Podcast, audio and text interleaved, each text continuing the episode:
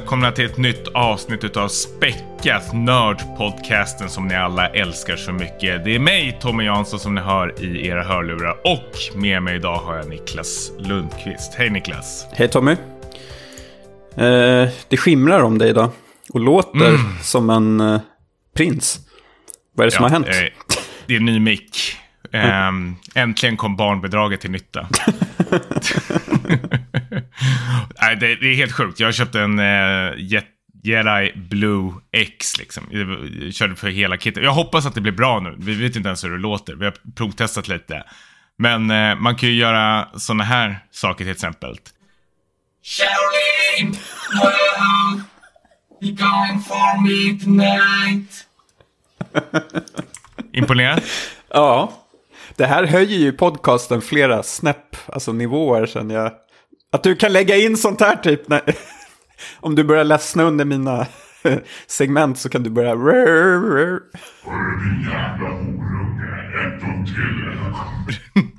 ja, det hör ju. Ja. Ska, ska, är det här hela avsnittet kommer gå ut på att jag sitter och spexar med alla mina features på den här micken? Lyssnarna har hoppat av efter, efter alla fina omdömen vi fick från förra avsnittet så kommer det här liksom. Eh. Ja, men det blir ju det. Var, varannat, eh, varannat glas, varannat vatten som jag bara mm. Ja, äh, det är... Eh, har du något kul att berätta eller ska vi bara kicka igång det här? Vi kickar igång det. Det finns inte mycket att säga. Uh. Hörru, vi har det här stående segmentet då som vi uh, brukar värma upp varandra med. Uh, där vi listar X årets bästa film och vi har kommit till året 2000. 16. Eh, vill du börja eller? Ja, ska vi bara säga att vi tyckte båda ja. nu när vi kollade igenom listan att eh, det här var inget bra filmår. Tyckte vi. Nej, vi, vi sa det i kör nästan att 2016 måste vara ett av de största jävla skitfilmåren någonsin. Alltså jag sitter och tittar på mina filmer i botten där. Batman vs. Superman, mm. Suicide Squad, Civil War, Deadpool, Ricky, den här David Brent-filmen. Otroligt. Sausage Party, Warcraft-filmen, Doctor Strange. Alltså du hör ju, det, det, det är ett haveri liksom. Ja, och även i toppen, alltså det är ju bra filmer där såklart, men det är ju inte alls på samma nivå som ja, men 2017 och 18 och 19 och så vidare. Ehm, jag har faktiskt inte en enda film som jag har satt högre betyg än fyra stjärnor på Letterboxd. Eh. Oj, men det har jag i alla fall. Jag har mm. tre stycken av fyra och en halva och en femma. Okej. Okay. Ehm, mm. ja, men jag kan börja då. Uh, jag valde mellan två stycken Amy Adams-filmer faktiskt. Mm. Uh, och den som drog det längsta strået, det var ju då Arrival. Den Villeneuves uh, utomjordingsfilm. Uh, började bli lite tjatigt att ta upp honom, för jag hade honom förra avsnittet också med Blade Runner. Men um, jag tyckte Arrival var riktigt mäktig. Eh, på bio, bra ljud, Eh, en liten ovanlig utomjordingsfilm. Och på andra plats hade jag Nocturnal Animals med Amy Adams också då. då. Bra år för henne i alla fall. Arrival är ju helt uh, en av de bästa liksom, sci-fi-filmerna. Alltså fan, Denis Villeneuve. Har vi slutat runka av honom någon gång? Nej, det, det är inte än. Töm, mjölka ur honom. Leder Ja. Eh, men, eh, då set, hoppar jag in på min, eh, och den har jag faktiskt sett en femma. Och det är en eh, sydkoreansk eh, skräckfilm, eh, The Wailing. Eh, ah. Som verkligen golvade mig eh, rejält när jag såg den. Den, var, den kom från ingenstans. Jag tror jag hade lite fördomar mot den innan jag skulle titta på den. Jag tror den skulle vara kanske sådär. Men det är väl... Eh, eh ja, vad, skrä, skräcktriller är det i en sån liten sydkoreansk by som handlar om sådana här... Uh, vad, vad, heter det nu igen? Sådana som driver så ut sådana demon... Schamaner. Shaman. Ja, precis. Uh, du har också sett den här tror jag, va? Mm. Ja, men den är, den är väldigt häftig. Det är väl uppe i typ bergen eller någonting så här. Koreanska mm. landsbygden är man ju svag för. Mm. Uh, Otroligt härliga uh, miljöer. Skitsnyggt uh, foto. Mm. faktiskt. Och så det är ju uh, Hong Jinna som har gjort den också. Alltså han som har gjort Chaser och Yellow Sea. Mm. Bara så här fem plus-filmer har han levererat. Jag hade glömt bort The Wailing lite grann, får jag erkänna. Men nu blir jag faktiskt lite sugen på att se den igen. Se Ska inte han komma mm. med någon ny film snart då? Det var ju ett tag sedan. Ja, men han är en sån som tar väldigt lång tid på sig. Men jag vet att han skrev ju till den här thailändska filmen eh, som kom ut för ett tag sedan, The Medium, den här fan footage-filmen. Han vill vara ah, producerat och skrivit manuset. Den har inte jag hunnit sett den, men jag har hört lite blandat kritik om den. Mm, samma här. Um, den kanske man skulle börja äh, se någon gång i, inom en snar framtid. Absolut, absolut. Uh -oh, filmklubben. Filmklubben, coming up. Mm, coming up.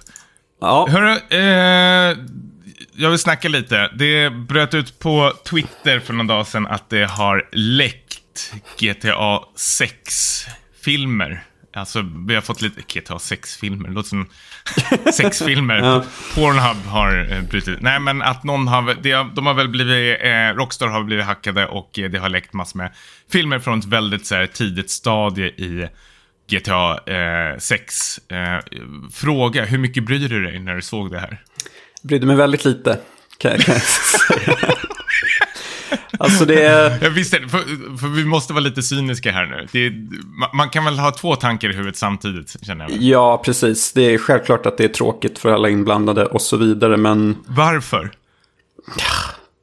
Jag vet inte. Nej, det, det, det är jag också så svårt att förstå. Får väl ha bättre säkerhet på sitt uh, företag. Nej, men jag, jag, jag, jag, kan svara på det. Alltså det, det, det, kritiska här, förlåt du ska få prata ett punkt, men det kritiska här är väl ändå att det är väl efter pandemin, eller under pandemin så är det väldigt många som har jobbat hemifrån och det har liksom funkat bra. Men nu kan det ju hända att liksom Rockstar kräver att de kommer tillbaka till kontoret då. Och, kanske inte får, och det, är, det är lite tråkigt. Mm. Ja, det känner vi med förstås. Men det stora problemet för mig är väl att, och där vet jag inte var du står riktigt, men jag är väldigt opeppad på GTA 6. Eh, mm. För de två senaste Rockstar-spelen, GTA 5 och Red Dead Redemption 2, har jag liksom lämnat. Jag har klarat dem men känner mig alltid väldigt tom efteråt. Och säger väl till mig själv efter varje spel så att det här var sista. Uh. ja, men likadant här. Men, men, samtidigt känner jag väl också att när man såg de här filmklippen så var jag väl lite, jaha, det här ser ut som ett GTA fast med lite bättre grafik. Alltså, det, var, det var väl ingen så här wow-känsla man fick utav det. Att de har inte liksom hittat på något nytt. Alltså, GTA är väl mest känd för eh, sina liksom färgstarka eh, karaktärer. De har ju aldrig liksom blivit superhyllad för liksom sin eh, liksom innovativa liksom kontroll eller vad man nu ska eh, säga. Liksom. Det jag störde mig på, tror jag, med Red Dead Redemption 2 var ju att typ hela gameplay-delen känns som det har fastnat i, i något så här, jag vet inte, tidigt 2000-tal. Med de här väldigt linjära uppdragen och att du kommer till en plats och blir omringad av banditer och ska skjuta dig ut. Och samma, samma grej om och om igen och de här långa transportsträckorna också. Uh, jag var... Rida på hästen och hålla, ha dialog. Ja, ja precis. Det... mm. Nej, men eh, så jag... Jag säger, jag säger det nu, jag kommer inte spela GTA 6.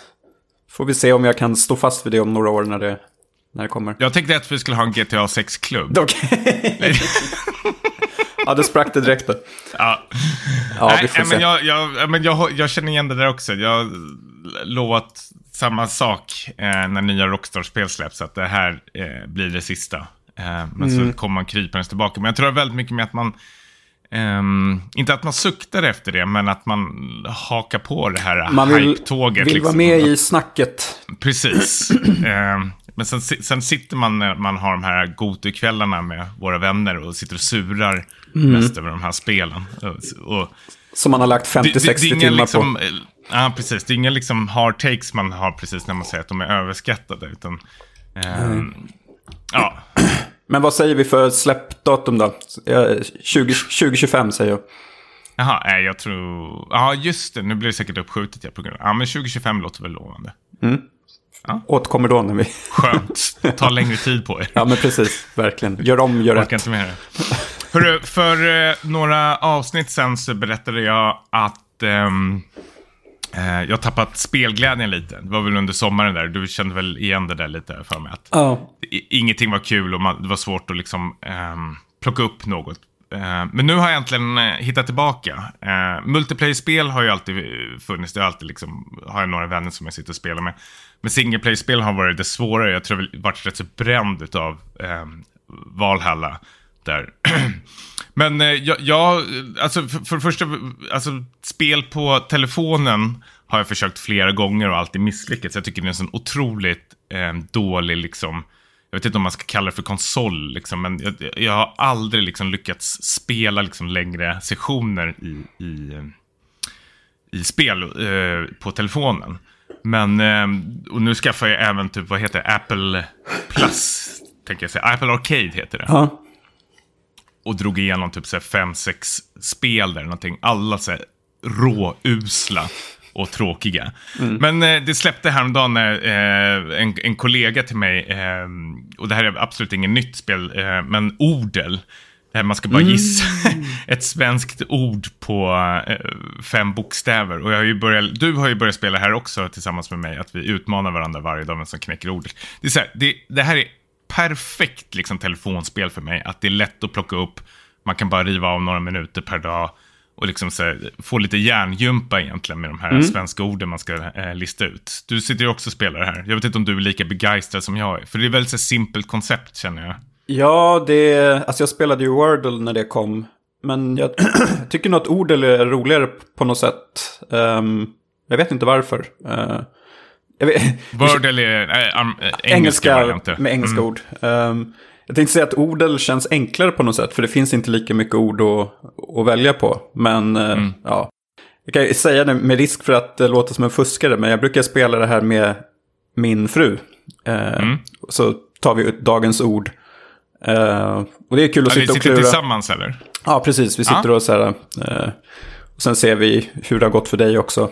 Och mm. ja, Brukar hon prata skit om mig där? Han fuskar den där jäveln alltså. Jävla stockholmare. Han kan ju köra upp det där jävla ordet i röven. Ja, vad, dåligt gick, vad dåligt gick för Tommy. ja, men det, det, det, kan vi båda... Eh, nu vart den skånska helt plötsligt. Ja. Mm. Eh, men eh, det kan vi båda rekommendera. Eh, spelet Odel faktiskt. Eh, otroligt lätt. Plus att man kan få sån statistik sen också, mm. på sin handikapp och allting. De skrattar åt mig på jobbet när de ser min, mitt handikapp och frågar om jag är utvecklingsstörd. Sådana glidningar är Men det är inte bara orden jag har fastnat på. Jag har, jag har plockat upp, har, det här spelet har jag pratat om för skitlänge sedan i Späckat. Men eh, jag slutade spela det, men nu har jag plockat upp det igen. Och det är WISE 8, YS 8 och sen har den en jävla tråkig undertitel. Alltså korta drag så är det ett eh, japanskt liksom, action-RPG. Men jag hittade verkligen min liksom flow i det här spelet. Alltså du, du, du är strandsatt på en ö med eh, ett gäng andra människor som du ska hitta på den här ön och så bygger du din bas på den här ön genom att hitta massor med material samtidigt som du ska utforska den här ön. Och det, det är liksom perfekt för mig att liksom så plocka upp och bara riva av och liksom döda lite fiender och samla lite material och bygga upp sin bas. Alltså jag, det är absolut ingen sån här minnesvärd story eller någonting, men det är så jävla skönt spel och, och liksom lättillgängligt att eh, plocka upp och liksom riva av. Liksom man, jag sitter och lyssnar på podcast samtidigt mm. jag sitter och spelar här. Men är det, det lite, är... är det lite psykoden aktigt att man nej, har sin bas? Nej, det är väl action-RPG. Det, det, alltså det går så otroligt snabbt det här spelet. Alltså det, det är ju inte button mashing, men det är liksom att du bara ska du springer och så trycker du på liksom tre, fyra olika knappar beroende på vad det är för attack du ska göra. Mm. Så det är inget RPG i eh, att det är strider som stannar upp Nej, eller okay. någonting. Men det, det som är roligt med det här är ju själva utforskningen. Att du har blivit strandsatt eh, på en ö och ska hitta de här, alla de här passagerarna. Och desto fler du är i din hembas så liksom växer liksom basen också. Och folk liksom kon eh, liksom hjälpa till i den här basen med material och allting. Så det blir liksom lite management och lite så här, eh, liksom RPG på liksom en perfekt balans. Jag tror du skulle nog gilla det kanske. Oj. Men är, är det Men, PS5 du spelar på eller? Det finns till PS5, PS4, eh, jag tror det finns till PS Vita, Switch eh, och Steam eh, finns det också. Jag tänkte hoppa på nästa Wise-spel också, Wise 9. Men det är liksom, det är och det är gratis till Playstation Plus också mm. om man har det där uh, premium uh, Så jag tycker absolut uh, du ska liksom um, prova det i alla fall. För liksom någonting jag tänkte är i alla fall musiken till det här spelet när man kommer ut i öppna världen. Är att de har de här gamla klassiska JRPG, de här riffade eller liksom distade gitarrerna mm. som bara står och liksom hamrar på. Det är otroligt liksom så här rockig mm. eh, musik eh, som man liksom svängs med hela tiden. Om man vill ha ett liksom lättillgängligt liksom action JRPG med liksom stats som bara flyger fram och upp, inget så invecklat eller någonting, så absolut kolla in det här spelet. Jag har skitkul i det. Ja. Sen har jag även hoppat på, nu, nu jag bara river av lite snabba ja, plåster här. Kör. Är det okej? Okay? Yeah. Eh, Rogue Genesia som är så ett early access-spel till eh, Steam. Eh, som är, det, det, är en kopia av Vampire Survivor, vilket betyder att det är ett roguelite-spel. Du, ska liksom, du blir liksom attackerad av pissmycket fiender. Du ska liksom levela upp din karaktär, liksom hantera dem eh, så bästa möjliga sätt. Alltså du, när du går upp i level så får du väl liksom mellan tre olika attributer som du kan liksom uppgradera. Och då ska du liksom bygga din gubbe och så ska du komma så långt du kan. Mm. Och sen när du dör, då kan du liksom skjuta in lite poäng för liksom göra din gubbe bättre till nästa runda. Och det är också så här skitskönt spel att bara liksom plocka upp och riva av eh, lite snabbt samtidigt man lyssnar på en podcast. Och liksom det är det jag tror jag behöver nu med eh, för att komma igång igen. Typ av, ja, men precis. Alltså, så här, lättillgängliga spel. Du var lite inne på det på Cult of the Lamb också. Att det var väldigt så här, lättillgängligt action-RPG. Du kunde bara hamra dig igenom medan du liksom tänkte och gjorde något annat. Liksom. Jag, otroligt eh, härliga liksom, rekommendationer kan jag säga. Eh, Rogue Genesia heter det. Finns på Steam för typ så här, två euro eller någonting. Mm. I Early Access är det nu. Mm. Men jag har en fråga till dig. Huh, nu är det mycket här. Deathloop kom ut på Playstation Plus. Och jag tankade ner det, spelade första kvarten och kände wow, det här känns skitkul. Eh, jag verkligen fastnade på direkten med dialogerna och allting med de här två huvudkaraktärerna, hur de riffade med varandra. Men jag vart inte alls överens med kontrollen på konsol. Mm. Eh, så jag avinstallerade det och sen la in en beställning på PC istället. Mm. Även fast det var gratis. För jag känner att det här vill jag nog spela till PC känner jag. Men då såg jag att du har liksom lagt ner 38 timmar på det här spelet. Mm. Är det en eh, rekommendation? En varm rekommendation skulle jag säga.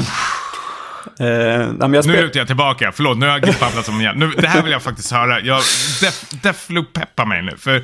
jag, jag är på tåget. Jag hade så otroligt mycket fördomar mot det här spelet förut. Ja, men uh, jag kan väl hålla med om att jag hade också lite problem. Jag spelade inte PC, men jag spelade med handkontroll, för jag tycker att det är skönt att luta sig tillbaka.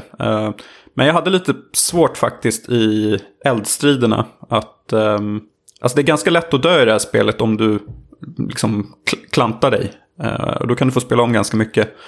Um, så PC med tangentbord och mus är ett jättebra val. Uh, nej men uh, jag kommer ihåg att jag tyckte att det var lite svårt i början att fatta vad, vad det är här allt, vad det ska bli, vad jag ska göra. Men samtidigt så håller ju spelet dig väldigt mycket i handen mm. i början på ett skönt sätt, att det låser upp gradvis. och Ja, nej, men jag, jag, jag älskade det här spelet. Jag tyckte att det blev som ett så här, de har ju inspirerats av allt ifrån massa film, filmer som man gillar och eh, spel som säger Cluedo. Där du liksom ska försöka, målet är att döda de här, vad kan det vara, sju stycken uh, ja, bossarna. Um, liksom på fyra delar av en dag. Morgon, lunch, middag, kväll. Liksom. Um, så att du måste ju liksom vara lite smart i hur du styr de här bossarna för att liksom vara kanske två bossar på samma ställe. Så att du kan döda båda två på en gång. Spelet, du klarar ju spelet när du har gått igenom en hel dag och dödat allihopa. Ehm, mm. Men det tror jag att man visste va? Jag har inte spoilat någonting, hoppas jag. Nej, nej, nej, men de, jag tycker, de, de, de säger att man ska bryta loopen, eh, blir man ju, mm. får man reda på det till tid. Men ja, absolut. Men eh, är det liksom, för det jag hade liksom tänkt, eh, alltså varför jag inte ville liksom spela här till en början är att jag kan vara li lite så här småallergisk mot sådana här spel där du liksom bara ska spela om och om och om. Mm. Och sen ska man hitta den perfekta runnen, säger jag samtidigt som jag sitter och spelar Vampire Survivors. Men där, där liksom uppgraderar du din karaktär hela tiden. Men det jag har varit så förvånad över Deathloop var att liksom spelet, eh, precis som du sa, att håller en i handen, fast väl på ett så bekvämt sätt, att det inte blir så irriterande och att du inte blir kanske, liksom, får liksom skrivit på näsan direkt, utan du får liksom lite så små sköna hints.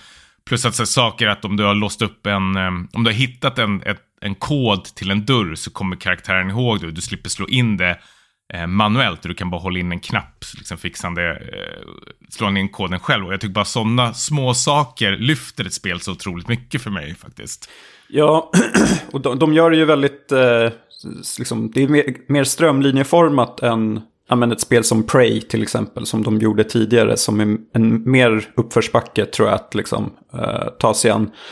Och eh, jag vet inte, jag, jag, jag, jag blev påmind, påmind om typ spel som vad heter det? Timesplitters. Och mm. lite Goldeneye med vissa banor, typ där, när det är en stor antenn uppe i eh, bergen där tyckte jag. De har väldigt fin bandesign, det finns asmycket hemligheter att hitta i, i de här banorna som gör att man, jag är i princip finkammade det här spelet tror jag. Och sen så vet jag att eh, det var en liten vattendelare gällande just det här med hand, hur handhållen man blir. Att många hade velat eh, att man själv skulle kunna liksom välja lite mer ordning i hur du skulle kunna döda de här bossarna. Men det är ju väldigt... Eh, det är ju en snitslad bana som du går igenom mm. i princip. Vilket mm. jag tyckte var jätteskönt. Att jag kunde i princip luta mig tillbaka och få ganska mycket hints eh, vart jag skulle göra härnäst. Så jag körde aldrig fast och blev aldrig frustrerad på det sättet. Okay, ja. Um, så det, det, är inte så svårt som det låter att ta död på de här sju hitmansen i slutändan? Nej, alltså... Hitmansen, men nej, ja, men, ja. ja bossarna. Ja. Nej, men... Mm. Uh, ja, men så jag, jag, tycker att det är bra, passar mig väldigt bra just därför. För att det var uh, ganska enkelt att uh, liksom, ja. veta vad man skulle göra härnäst. Så det är inte att man slår huvudet mot väggen så här, och känner vad ska jag göra nu. Och, och känner, man känner aldrig att man behöver spela om saker. Att man har förlorat tid tycker jag. Uh, även fast det är ett liksom, tidsloop-spel. Mm. Uh, roliga uppgraderingar också att testa runt med, tyckte jag. Ja, men jag, precis. Jag doppade tårna lite i vattnet här. Alltså det, det verkligen introducerade så otroligt många saker på bara de korta 15-20 minuterna jag spelade. Eh, så jag har varit jättenyfiken på det här spelet. Um, ja, men bra, då, då ska jag absolut... Uh, kom det i år? Nej, det kom förra året va? Förra året. Um, oh, gud, då kan vi inte ha det som Gotu. Nej, tyvärr inte. Men nej. vi har ju kategorin bästa spel släppt innan 2022. Just det. Så... Save my ass again. Ja, jajamän. ja, vad kul. Då är you're back in the game. I'm back in the game. Ja, vi har ju spelat något nytt, eller jag har gjort det i alla fall. Eh, nygammalt, eh, det vill säga den senaste delen i Monkey Island-serien. Return to Monkey Island. Vi pratade ju om det här spelet och eh, sågade hela peka och klicka-genren för några avsnitt sen. Eller du framförallt gjorde det. Jag, jag drogs väl bara ja, med i bara farten. Skyll alltid på den svarta killen. Ja. Det är typiskt dig. ja. Nej, men eh, grejen är att jag har ju inte spelat några Monkey Island-spel sen tidigare. Eh, lite... Men det har du ju. Ja, men bara liksom testat kanske hos någon kompis. Jag har aldrig ägt ett Monkey Island-spel. Eh, jag tror ingen som har ägt någonting. Alla spelar hos en kompis. Ja, det var och för sig så ganska mycket på, på den tiden. Det var, det var dyrt att spela. Eh, men det här är då i alla fall eh, Ron Gilbert då som gjorde de, var med och gjorde de två första spelen. Eh, har kommit tillbaks då liksom för att skapa ett nytt Monkey Island-spel som han har väl hintat om att det här borde varit det tredje spelet i serien. För det har ju gjorts massa spel från Lucas Arts då mm, däremellan de här 30 åren som han inte har varit inblandad i. Eh, men, men nu kommer den riktiga uppföljaren då kan man säga. Och eh, Dave Grossman är med på tåget också som var en viktig eh, aspekt i de tidigare spelen. Men Team Schafer är inte med. Eh, Skönt. Ja, jätteskönt. Han hade nog tagit upp mycket syre där på... ja, gjort en jävla... dokumentär. dokumentär. den är för sig 5 plus den dokumentären. Ja, den är... Jag älskar den. Uh... Det är som att se, det är, det är så otroligt obehaglig den dokumentären. Det är som att se ett, ett långt avsnitt av The Office. Ja, med Fan vad Tim, Tim Schafer är obehaglig. Istället för David Brent. Ja. ja. Mm. Men, som sagt, eh, jag hade inte spelat något innan. Eh, det här är ju ett spel som lutar sig väldigt mycket på nostalgi, får man ändå säga.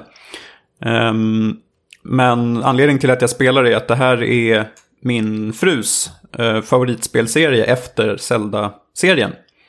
Så det här har hon peppat för i, ja, inte så länge eftersom det utannonserades bara för några månader sedan. Men det var ett dag ett-köp för oss. Eh, du är inte alls intresserad av, av det här? eller? du, du ser hur jag börjar Börjar skruva på dig. Zona ut mer. Jag har typ lyssnat på hälften vad du har sagt. Jag tänkte, det här sköter du själv. Nej, jag skojar. Förlåt, vad elakt. Men, ja. Jag är så ointresserad. Men man kan väl... Jag är med här för att slakta. Ja, och jag vet. Det är därför vi har så bra dynamik i den här podden. Nej, men man, man kan väl säga så här att det... Eh, nu kommer du bli förbannad, men jag älskar det här spelet. Eh, jag har gett jag har jättekul eh, med eh, den här uppdaterade, jag vet inte, pappahumorn plus problemlösning i, i, på de här Kar Kar Karibienöarna. Mm. Det visar ändå det här spelet att det finns, um, finns potential kvar i peka och klicka-genren. För vi pratade ju ändå om att jag hade testat Grim Fandango, uh, som är en sån här klassiker, uh, sägs det då. Men mm. tyckte att det är jättemycket problem med, med tempo och um, uh, långsökta pussel. Så att jag tyckte inte att det var så kul. Uh, och la ner ganska snabbt. Otroligt uh, överskattat spel alltså. Ja. Håll, håll, håller, inte, håller inte idag, får man väl... Ja, det, är, det är ett skitspel. Ja. Men här har de ju gjort de justeringarna som behövs för att, uh, liksom, för att det här ska funka i, i, idag helt enkelt. De har ju till och med typ i början man får fylla i lite preferences, liksom vad man, ja men som en tillgänglighetssida liksom. Och där får man ju skriva så här, vill du ha ett, ett tight spelupplevelse eller vill du ha en så här, där, där manusförfattaren har fått liksom fria händer och innebär att det blir mycket längre dialoger och sämre pacing. Eh, så, så de är väldigt öppna med det också. Uh, och då tog vi den korta versionen. Vi, vi vill... Jaha, men är det inte dialogerna som är bra i det här spelet, tänker jag? Ty tycker du? Nej, men är inte, är inte det de är, är liksom kända för egentligen, Monkey Island-spelen? Att det är väldigt sådär pustlustiga, quirky dialoger liksom. Att det är det man vill ha mer utav och mindre pussel. Jag tror inte du vill ha mer av det, faktiskt. Jag tycker att som det är nu är det väldigt lagom. Um, med dialog kontra gameplay. Jag tycker att det är en mm. bra balans här. Jag hade inte velat ha mer utläggningar från Guybrush, eller vad han heter, Threepwood. Ja, men det är som att be en stand-up-komiker, man vill bara ha 40 minuter, inte två timmar. Ja, men exakt. Hellre okay, längta ja. efter mer, så less is more, tycker jag. Mm. Ja, jag och, köper det. Och um, pusslerna är, uh, de är bra, de är kluriga, de, de liksom... Uh, du tror att du har löst det, men ett pussel, men så kommer det liksom ytterligare en utmaning som gör att du måste tänka ett varv till och så vidare. Vad var det där? Ja, du, du tror du har löst ett pussel, men så kommer ytterligare en utmaning. Det är såklart det kommer ett nytt pussel efter du har löst ett pussel. Nej, men du tror att du har löst det här pusslet, men sen så, ja. Så visar, visar det sig att det fanns ytterligare en aspekt i det här pusslet som gör att nej, du är inte klar än. Du måste tänka ett varv till. Ge mig ett exempel. Åh oh, gud. Ja, okej. Okay. Ja, du, Gud, du är trött på mig nu. ja, men du ska få höra att i, en, i en, ah, ah, ah. ett pussel då, man kan kalla det för ett pussel, så ska du tävla mot en, en person i en så här fiskätartävling. Eh, och då, när du kommer till fiskätartävlingen så är det tomt i den här grytan eh, som man ska plocka fisken från. Och då, um, då sätter man igång tävlingen så säger domaren, ja men det finns ju ingen fisk här så vi får avbryta tävlingen. Och så, så är det liksom slut och då är det så här, okej okay, då måste jag leta upp någon fisk.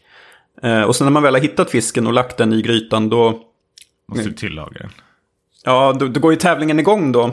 Och den andra personen vinner. Eh, så då måste du leta upp en så här väldigt stark krydda som du kryddar fisken med så att den här personen eh, sätter i halsen typ. Och du vinner vad uselt. Fem plus. Men hur vet du att du ska sätta en stark krydda? Är det någonting liksom du bara snubblar över eller någonting så att du, Nej. du och din fru sitter så här, hmm. Det fanns ju en stark krydda i det där köket som vi besökte på det där skeppet för någon mm. timme sedan. Det gäller ju att vara uppmärksam och liksom ha lite koll på vad de olika karaktärerna eh, kan, kan hjälpa till med. Så vidare. Så det är ju inte Men helt fattar, Går du runt med kryddan i handen då? Alltså, man, du vet, ibland kan man det som kan vara nackdel med sån här spel är att du bara plockar på dig massor med inventory.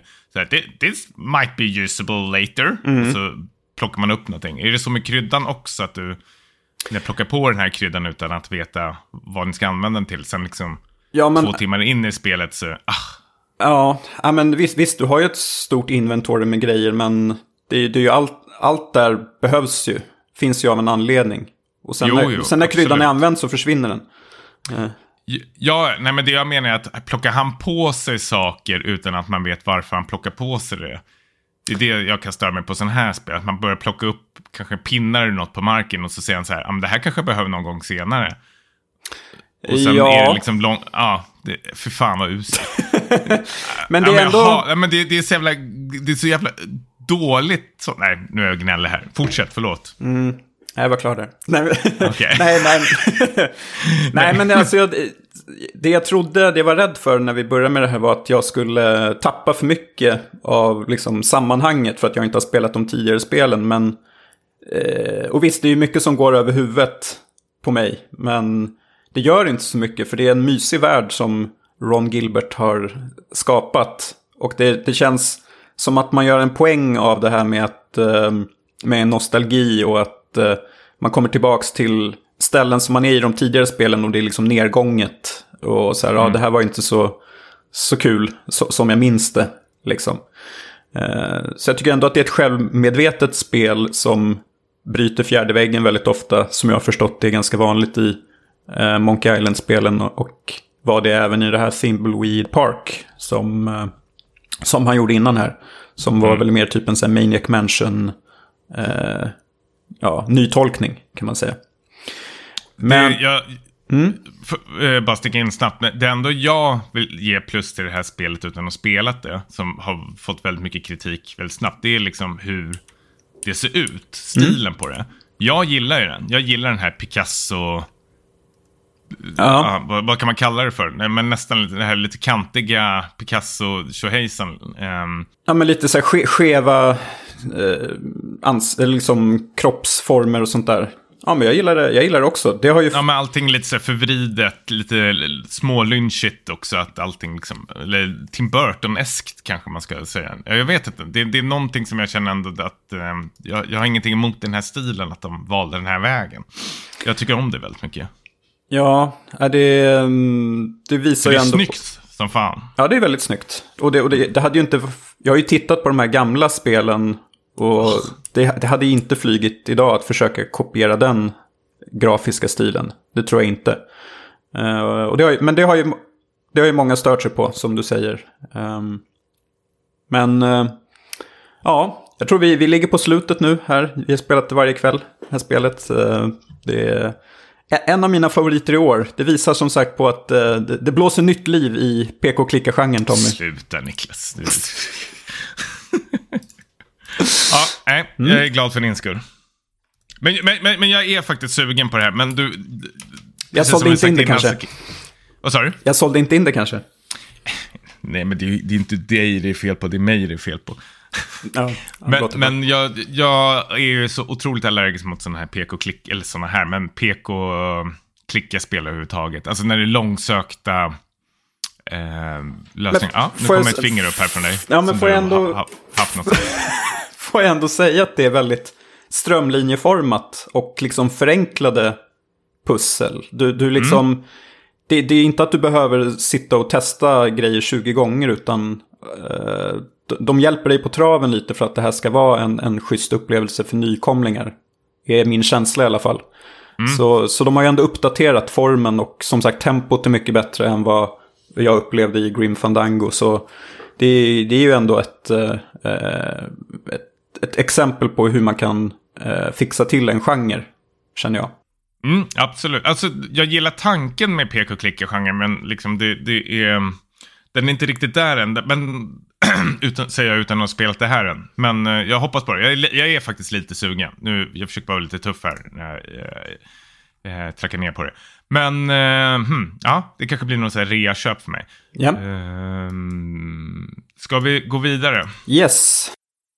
Ja, vi har tittat lite på tv-serier du också. Um, vi har börjat titta på serien Dave. Ehm, den här, ehm, vad säger man, Disney Plus FX-producerade eh, jag vet inte vad man ska sätta in det som en genre, nästan så drama, komedi, slice of life, tjohejsan som handlar om eh, en eh, kille, vit, judisk eh, snubbe som heter Dave som eh, man får följa liksom hans karriär, alltså hiphop-karriär från att han liksom ska från en underground-artist eh, ska liksom så här slå sig igenom. Och hans typ av hiphop är väl lite så här, eh, vad ska man säga?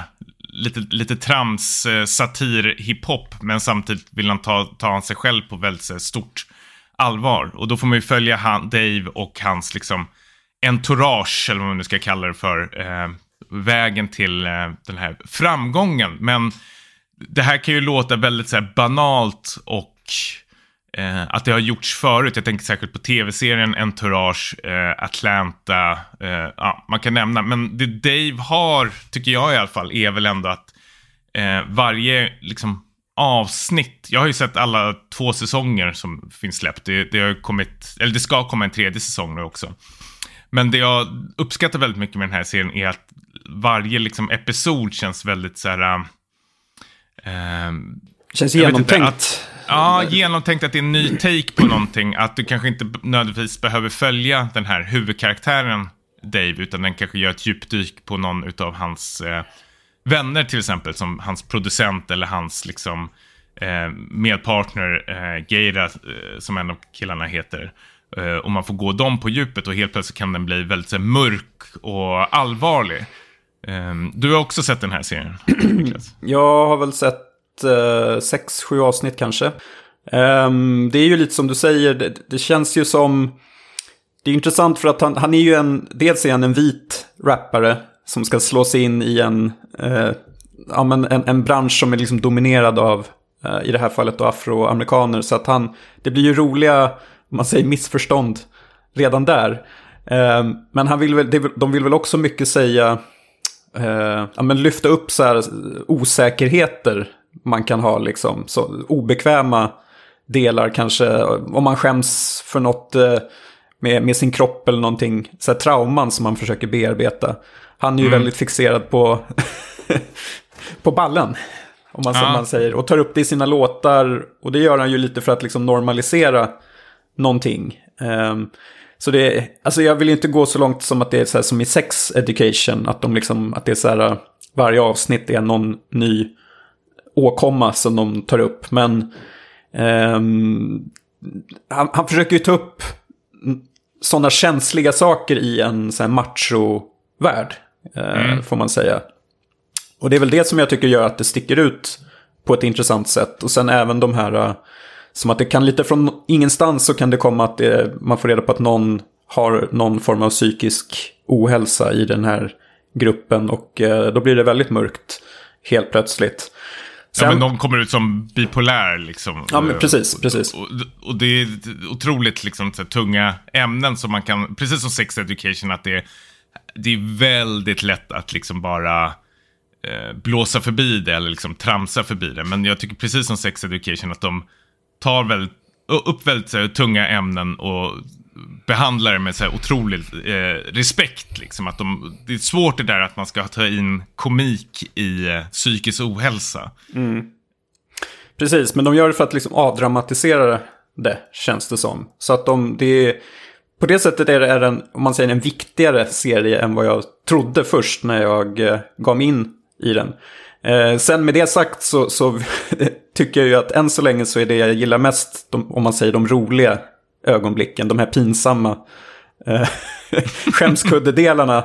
Eh, och de delarna som påminner mest om just entourage som du nämnde där. Typ när han, mm. när han stöter på andra kollegor i, i liksom rapbranschen. Som, eh, de flesta jag inte har hört talas om, för det är inte min genre. Du är ju mer hemma där än vad jag är. Ja, men, men du hatar ju hiphop och... Ja, jo. och, och den kulturen. Ja, men det spelar ingen roll här känns det som. Utan det, det är ändå liksom, det, det är kul skildrat.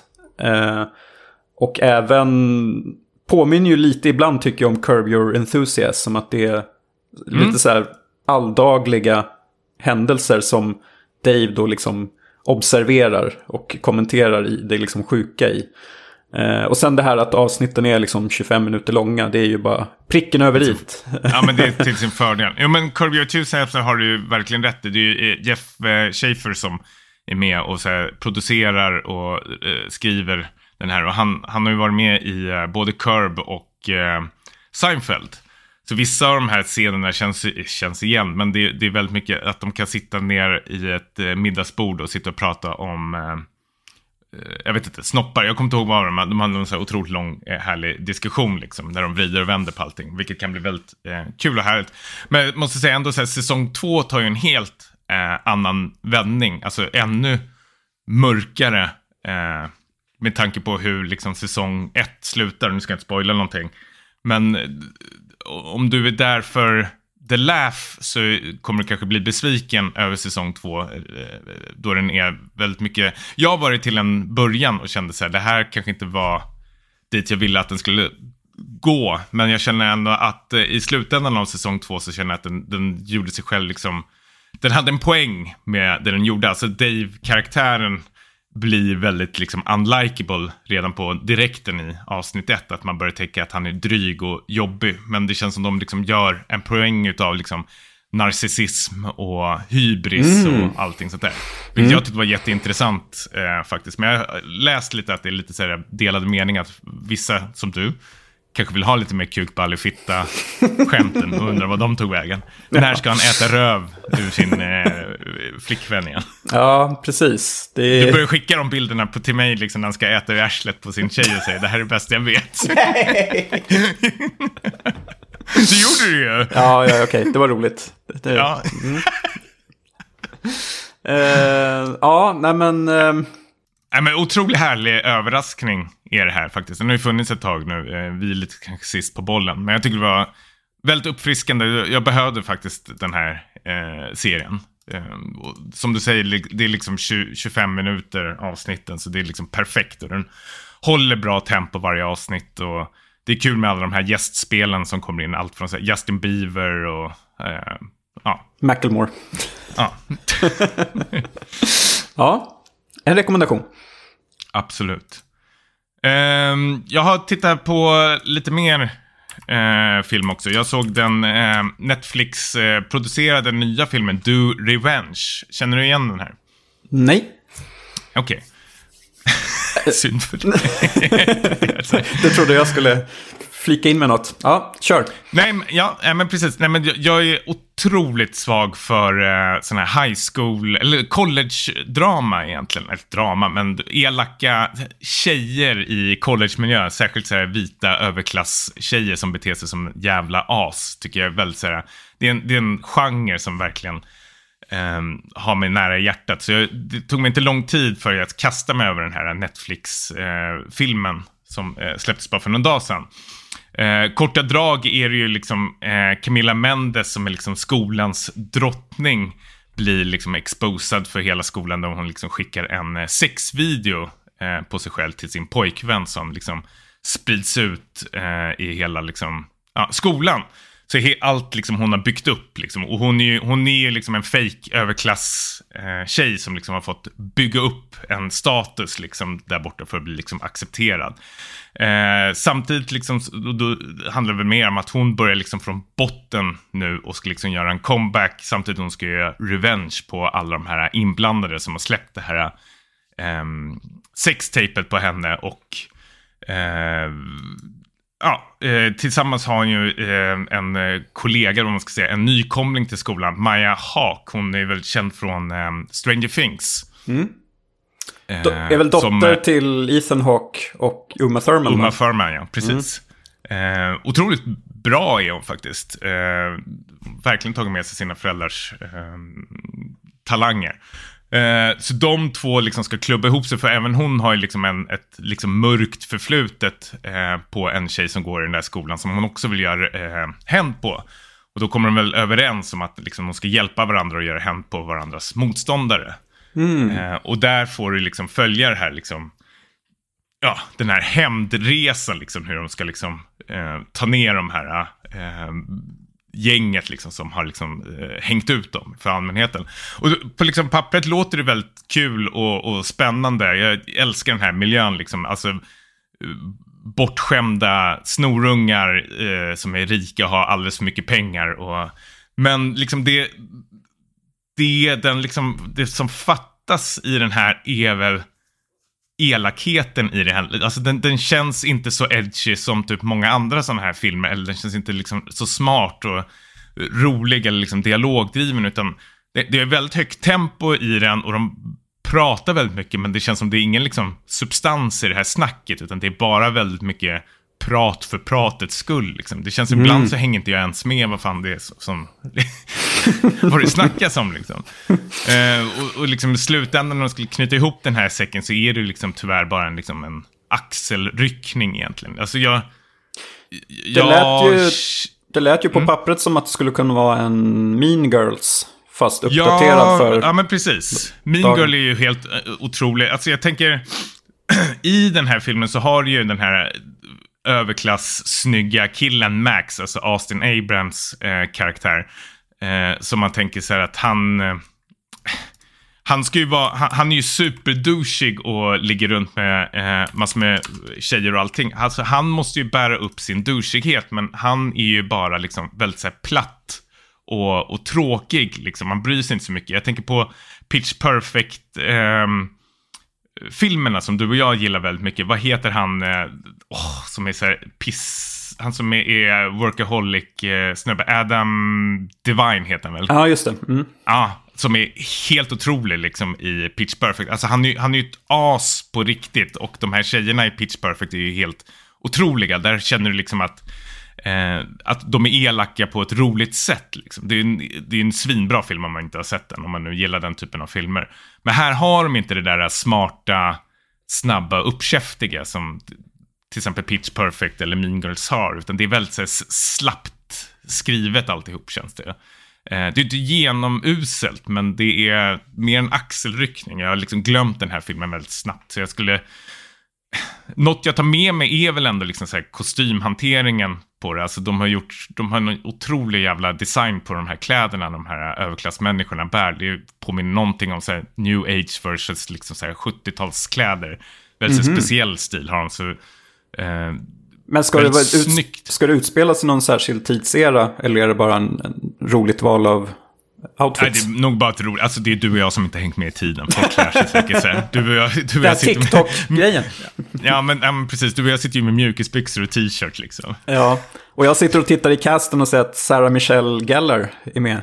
Ja, just det. Precis. Hon är rektor här Jag tänkte att hon var, spelar säkert någon sån roll. Hon är för gammal ja. för att gå på skolan i alla fall. hon är för 45 Fräsch kanske. Kvinnohat? Mm, nej. Ja, ja, ja men det är en... Eh, ja. Det låter som en rekommendation fast eh, alltså, om man inte har något bättre för sig. Typen av ja. rekommendation. Alltså den, den, är för lång för sitt eget bästa. Jag tror den är två timmar. Den skulle absolut kunna kortas ner till så en timme 20 minuter. Eh, för i slutändan känner du att det är finns inte så mycket att hämta här. Det är mycket dött kött tyvärr faktiskt. Eh, och blir lite för förutsägbar mot slutet faktiskt. Eh, ändå tre plus skulle jag säga. Om man, inte, om man ska ha lite så här, den har fått väldigt bra, eh, har jag sett av typ många andra, men det är typiskt så här amerikanare som checkar in de här igenkänningsfaktorerna kanske, jag vet inte. Men jag tycker den är ah, jag vet inte, sådär. Jag tycker Meja Haak och eh, Camilla Mendes är svinbra i de här rollerna. Jag, det, det, är en ny generation av liksom skådespelare som börjar liksom blomma fram nu. Det, det ser jag fram emot väldigt mycket att få följa de här på den här framgångssagan. Eh, de här unga skådespelarna. Det ska bli skitkul. Men annars tar jag inte med mig så mycket från det här. Nej, okej. Okay. Um, ska vi gå in på avslutningsnumret då? som är inget mindre än Vortex. Eh, Gaspar Noés nya film. Eh, ett litet eh, stilbrott för honom. Ehm, han, han har ju gjort filmer som Irreversible och eh, Enter the Void och Climax som är mer liksom, ja vad ska man säga, eh, halsbrytande, ehm, galna, eh, våldsamma, provokativa filmer. Som... Psykedeliska åkturer. Ja, det var ju bra beskrivet. Där. Enter the Void är väl bara filmat liksom helt i första person i princip. Uh, där du får vara med i, i, en födsel och i ett samlag och allt möjligt. Uh, väldigt experiment experimentell uh, filmskapare, helt klart. Men med Vortex så för, försöker han sig på något lite annorlunda. Visst, du har ju den här split screen-tekniken då, eller vad man säger, som man använder när vi följer det här äldre paret som eh, i deras sista dagar i deras lägenhet eh, på grund av att eh, den ena av dem då har drabbats av demens och eh, det här eh, blir då förkrossande för, för, för det här paret. Eh, vi får se hur de tacklar det. Eh, man kan säga taglinen på, på filmen är Life is a short party that will soon be forgotten. ja. Uppiggande, Gaspar Noé gjorde ju den här filmen efter han själv åkte dit för någon slags hjärn... Tumör, va? Var det hjärntumör? Nej, hjärnskada eller Det kanske var en hjärntumör. Jag kommer inte ihåg. Han var väl nära att mista livet i alla fall. Och fick mm. väl typ så någon ny... Um, Ny syn på ja, men precis. Han var, väl, han, han väl missbrukare, vilket ta i kanske, men han konsumerade kanske väldigt mycket så alkohol och sånt där. Och liksom, eh, ja men, eh, trappade ner med sånt eh, och tänkte väl hylla livet. Men det här är ju, pissar ju på livet ännu mer nästan, känns som när man tittar på Vortex. Den är ju eh, supermörk eh, och väldigt eh, långsam. De drar ju ut på den här demensen eh, rejält på ett så här, obehagligt sätt. Det är väl någon slags, I början av filmen så får du följa eh, François eh, Lebrun som eh, liksom ska ut och slänga soporna men sen ska hon liksom gå in i massor med affärer och virra bort sig. Och bara liksom den scenen så, så otroligt obehaglig att man själv glömmer bort vad, vad hon håller på med nästan. Alltså den... Um, den, den, den gör ju väldigt, alltså jag tycker både Dario Argento eh, och eh, François är ju så här otroligt duktiga på sina roller. Det här är ju liksom ett kammarspel utan dess like. Eh, men den är ju eh, på tok för lång kanske för sitt eget bästa skulle jag nog säga faktiskt. Ja, den var, det är väldigt utdraget. Um, ja. Alltså om man säger dialogscenerna känns väldigt så här repetitiva nästan så improviserade ibland. Man mm. får lite känslan av att eh, Gaspar har, har liksom bara tagit kameran och gått in i lägenheten och sagt nu kör vi lite. I, i breda drag så, så vill jag att ni gör så här och sen så, så mm. filmar vi allt. Det är, det är mycket dödkött här som in, kunde ha klippts bort. Eh, Absolut. Tycker jag. Sen... Um, Ja, men det är intressant. Jag jämför ju den här med uh, The Father som uh, kom för något år sedan med Anthony Hopkins. Mm. Um, den filmen tycker jag var bättre på att liksom sätta oss i, i liksom skorna på den här demente personen och känna liksom att allt uh, bara, man tappar fotfästet och det blir som en skräckfilm på riktigt liksom när ingenting är som det verkar. Här är man ju mer, den här är ju mer dokumentär. Det känns som att man är en observatör som, som tittar på, liksom, på nära håll när det här, den här lägenheten förfaller. Mm. Um, det är, liksom, det är olika, olika grepp, inget är väl liksom fel. Men jag blev mer indragen av The Father, helt klart. Uh, och den är, den är 90 minuter lång också, bara för att jämföra. Ja, den här känns väl kanske mer att den skulle passa bättre som en eh, pjäs, uppsättning eller någonting. Då kanske man skulle liksom eh, acceptera den lite mer för den är. Alltså med det sagt är det fortfarande en väldigt bra film, eh, tycker jag. Alltså det, det, den är väldigt, alltså den har ju en, eh, vad ska man säga, ett, alltså kameraarbetet och allting är ju väldigt så här, genomtänkt och den har ju många sådana här obehagliga, ångestframkallande scener som när liksom frun i huset liksom slänger Dario Argentos liksom alla anteckningar. Han håller på att skriva någon bok och liksom spolar ner det i toaletten. Ja, eh, det var ju nästan så här... snudd på en komisk scen. Ja, Fast men... det, det, är så, liksom, så mörkt så att man bara kan skratta åt eländet. Hon, hon spolar ja. ner hans livsverk i toaletten medan han står och duschar och bara säger det, det är en katastrof, det är en katastrof. eh, och sen, men jag gillar, alltså, får du ändå en känsla att du vill, det här utspelar sig väl i, um, Paris. i Frankrike? Precis. Ja. Eh, Uh, och man var ju lite sugen ändå på att flytta dit. Och, för, de, för, de, för de dricker ju väldigt mycket. Ja, och han, röker uh... inomhus och sitter och skriver på skrivmaskiner. Alltså det, ändå blir jag ändå rätt så avundsjuk på Argentos liv. Att det, det, är väl, det är väldigt stökigt. Det är mycket böcker som är uppstaplade på varandra. Det känns nästan som Dario Argento spelar sig själv.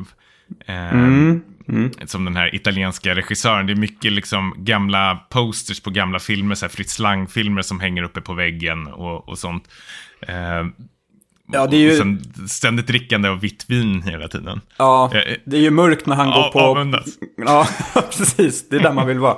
Det är ja. mörkt när han... Det är mycket som är mörkt i den här filmen, men när han går på... Vi, vi följer ju dem samtidigt. En kamera på eh, vardera person i, i det här äldre eh, paret. Då. Och när han går på parmiddag eh, hos sina liksom, kulturvänner och, och har, har eventuellt någon, en någon otrohetsaffär där liksom, medan hans fru eh, går bort sig i lägenheten och allt djupare ner i den här demensen. Uh, ja, men den, här, den här filmen var fruktansvärt deprimerande, tycker jag. Det är liksom så när man... Det är bra betyg för Gaspar Noé. Ja, han har ju lyckats. Uh, alltså den var jobbig att se. Det är en sån här klassiker, typ när man har tittat klart på eftertexterna på... Vi fick ju den här uh, via Vimeo då. Och så dyker det upp en sån här... Uh, Watch again? Frågetecken. aldrig i livet. Kommer all, aldrig se den här filmen igen. Uh, och det brukar man ju känna efter att ha sett Gaspar Noés filmer. Att man har varit med om någonting men man vill aldrig återuppleva det för att det är så jobbigt. Jag har uh, aldrig sett en Gaspar Noé-film mer än två gånger, alltså mer än en gång. Mm. Uh, det kommer, och det kommer aldrig hända. Alltså det, det här är, måste jag väl säga är hans svagaste film för mig tror jag nog. Uh, av de jag har sett, det är väl några, några jag inte har sett. Love tror jag till exempel, eller vad den heter. Um, ja, den är... Den, den, känns ju liksom experimentell, liksom lite att de har filmat den lite på uppstuds, även fast det är genomtänkt kamerarbete mm. och så vidare. Um, men det var nog inte förrän precis på slutet, egentligen de sista sekund eller minuterna av filmen som var väldigt kusliga och eh, gjorde mig väldigt illa till mods. Uh, mm. Det var nog där jag blev mest berörd faktiskt. Uh, och började fundera på saker och ting. Uh, ja, jag känner väl så lite i början faktiskt. När hon vaknar upp första gången, första gången, men hon vaknar upp och så ska hon liksom göra sin mm. dagliga rutin. Mm. Och så är det massor med post-it-lappar som ska liksom, det känns mm. som när du spelar Monkey Island, liksom, att, eller Deathloop, att, att Kommer... håller i handen liksom. Vad ska jag ha pepparkaret ja. till? Uh, ja, nej men... Absolut, alltså det, det, finns ju bra ögonblick. Uh, de har ju en missbrukande son också som ska försöka hjälpa dem, men det gör inte saken bättre. Och sen all, all, all den här skiten de har samlat på sig i lägenheten. Ah, det är, det är mycket som är jobbigt här. Alltså jag, jag, vet inte om jag skulle rekommendera den här filmen till någon egentligen. Förutom om man, om man vill må riktigt dåligt. Uh, men, jo, han, men, han, har ju, men, han har ju lyckats, men, men det är så här, den var väldigt... Här, om, den var lång, den var jobbig. men ja, han, visst, han är ju ett geni. Det, det kan man inte säga någonting om. Jo, men han har ju sin egen stil ändå. Man ska ge honom det att han, han liksom eh, tar ta ut svängarna, kanske han inte gör. Men ändå att han... Eh, det här var väl kanske lite annorlunda eh, jämförelsevis med hans tidigare filmer. Men jag tycker ändå om du har någon slags, liksom, om du, precis som du och jag gillar Irreversible, Enter the Void och Climax. Så ska mm. man ju mm. absolut se den här ändå. Eh, Se vad han gör nu liksom. härnäst. Ja, men precis. Men med det sagt, eh, jämfört med de, eh, hans tidigare tre som jag nämnde alldeles nyss, så är ju eh, den svagaste tyvärr eh, av dem faktiskt. Den lämnar kanske inte lika stort intryck som de andra tre gjorde som verkligen har satt sig. Eh, jag ser ju själv, liksom, Irreversible släpptes 2002. Jag kommer ihåg, jag gick i gymnasiet när jag såg den och hyrde den. Det måste vara 2003 kanske eller någonting. Alltså för fan, jag kommer ihåg varenda jävla uh, filmruta från den filmen. Alltså det säger nog rätt så mycket uh, om den filmen. Att den, den, sätter sig så otroligt hårt. Den är ju så jävla obehaglig den filmen. Alltså, man bara kräks efteråt. Usch ja, usch. Ja. Um, ja. Jag men hoppas... nu men, men nu är det över! nu är det över! ja, äh, men um, om, man känner för uh, demensdrama uh, på 140 minuter så gå och se den. Just det, jag vill bara fråga, är, den har ju jämförts med uh, Mikael Hanekes Amour. Som mm. jag såg att du hade sett. Finns det, det, några, ja. finns det några paralleller?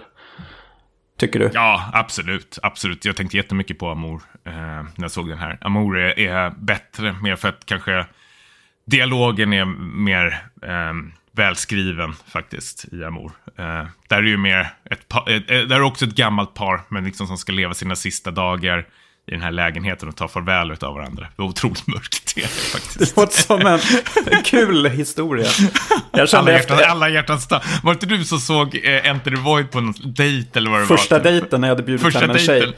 Ja. Awkward. Inte ligga. Bara massa nakenscener och snusk och ja, jag vet inte. Ett märkligt val från min sida kan man, kan man tycka. Ja, otroligt. Det är ju psykopatvarning från dig ju.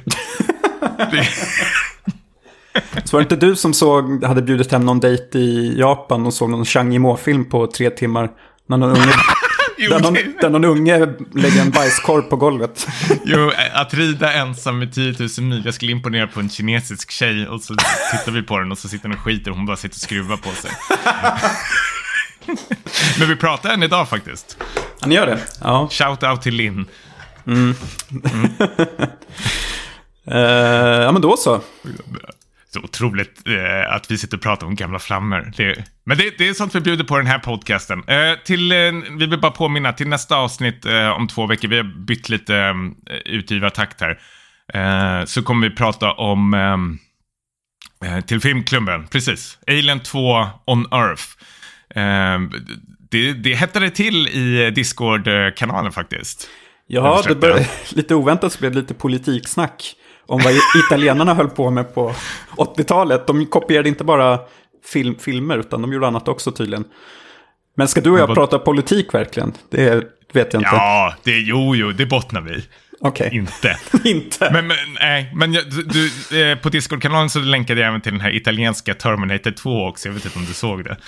Ja, jo, jag såg någon affisch där. Är det nästa film? Ja, just det, du, hänger inte, nej, men du hänger inte på Discord. Alltså, vi har sagt det här varje avsnitt, nu får du ta och bete dig. Alltså, Gotipodden spelat alla skäms över det jättemycket. Jag ska gå in eh, direkt nu och skriva det är till med, Det är till och med någon, någon snäll eh, människa där som har frågat efter din musik till och med. Och du har bara ka kalla handen liksom. Nej, ja, ja, nej, men jag blev jätteglad när jag, när jag läste det. Uh, nu, nu, ska jag faktiskt skärpa mig. Uh, jag vet att jag säger det här varje gång. Ja, men tack, tack för att ni lyssnade. Det är jättekul. Ja, vi finns på eh, Discord eh, och shoutout till alla som lyssnar och eh, inne på Discord-kanalen. Fan, vi älskar er jättemycket. Det är tack vare er den här podcasten finns. Ni gör ett kanonjobb. Skriv gärna också. Ja, på Discord-kanalen är väl alltid bäst. Lite mm. önskemål och tjohejsan. Ja. Om ni vill höra något och prata någonting. Du och jag börjar småplanera för ett halloween-avsnitt. Mm, vi kanske ska blanda in lyssnarna i det förresten. Hoppas Hellraiser hinner släppas. Ja, exakt. Mm, bra, men vi tar det sen. Det tar vi Discord-kanalen. Du får styra upp något där. Jag styr upp. Hej. Okej, okay, hej.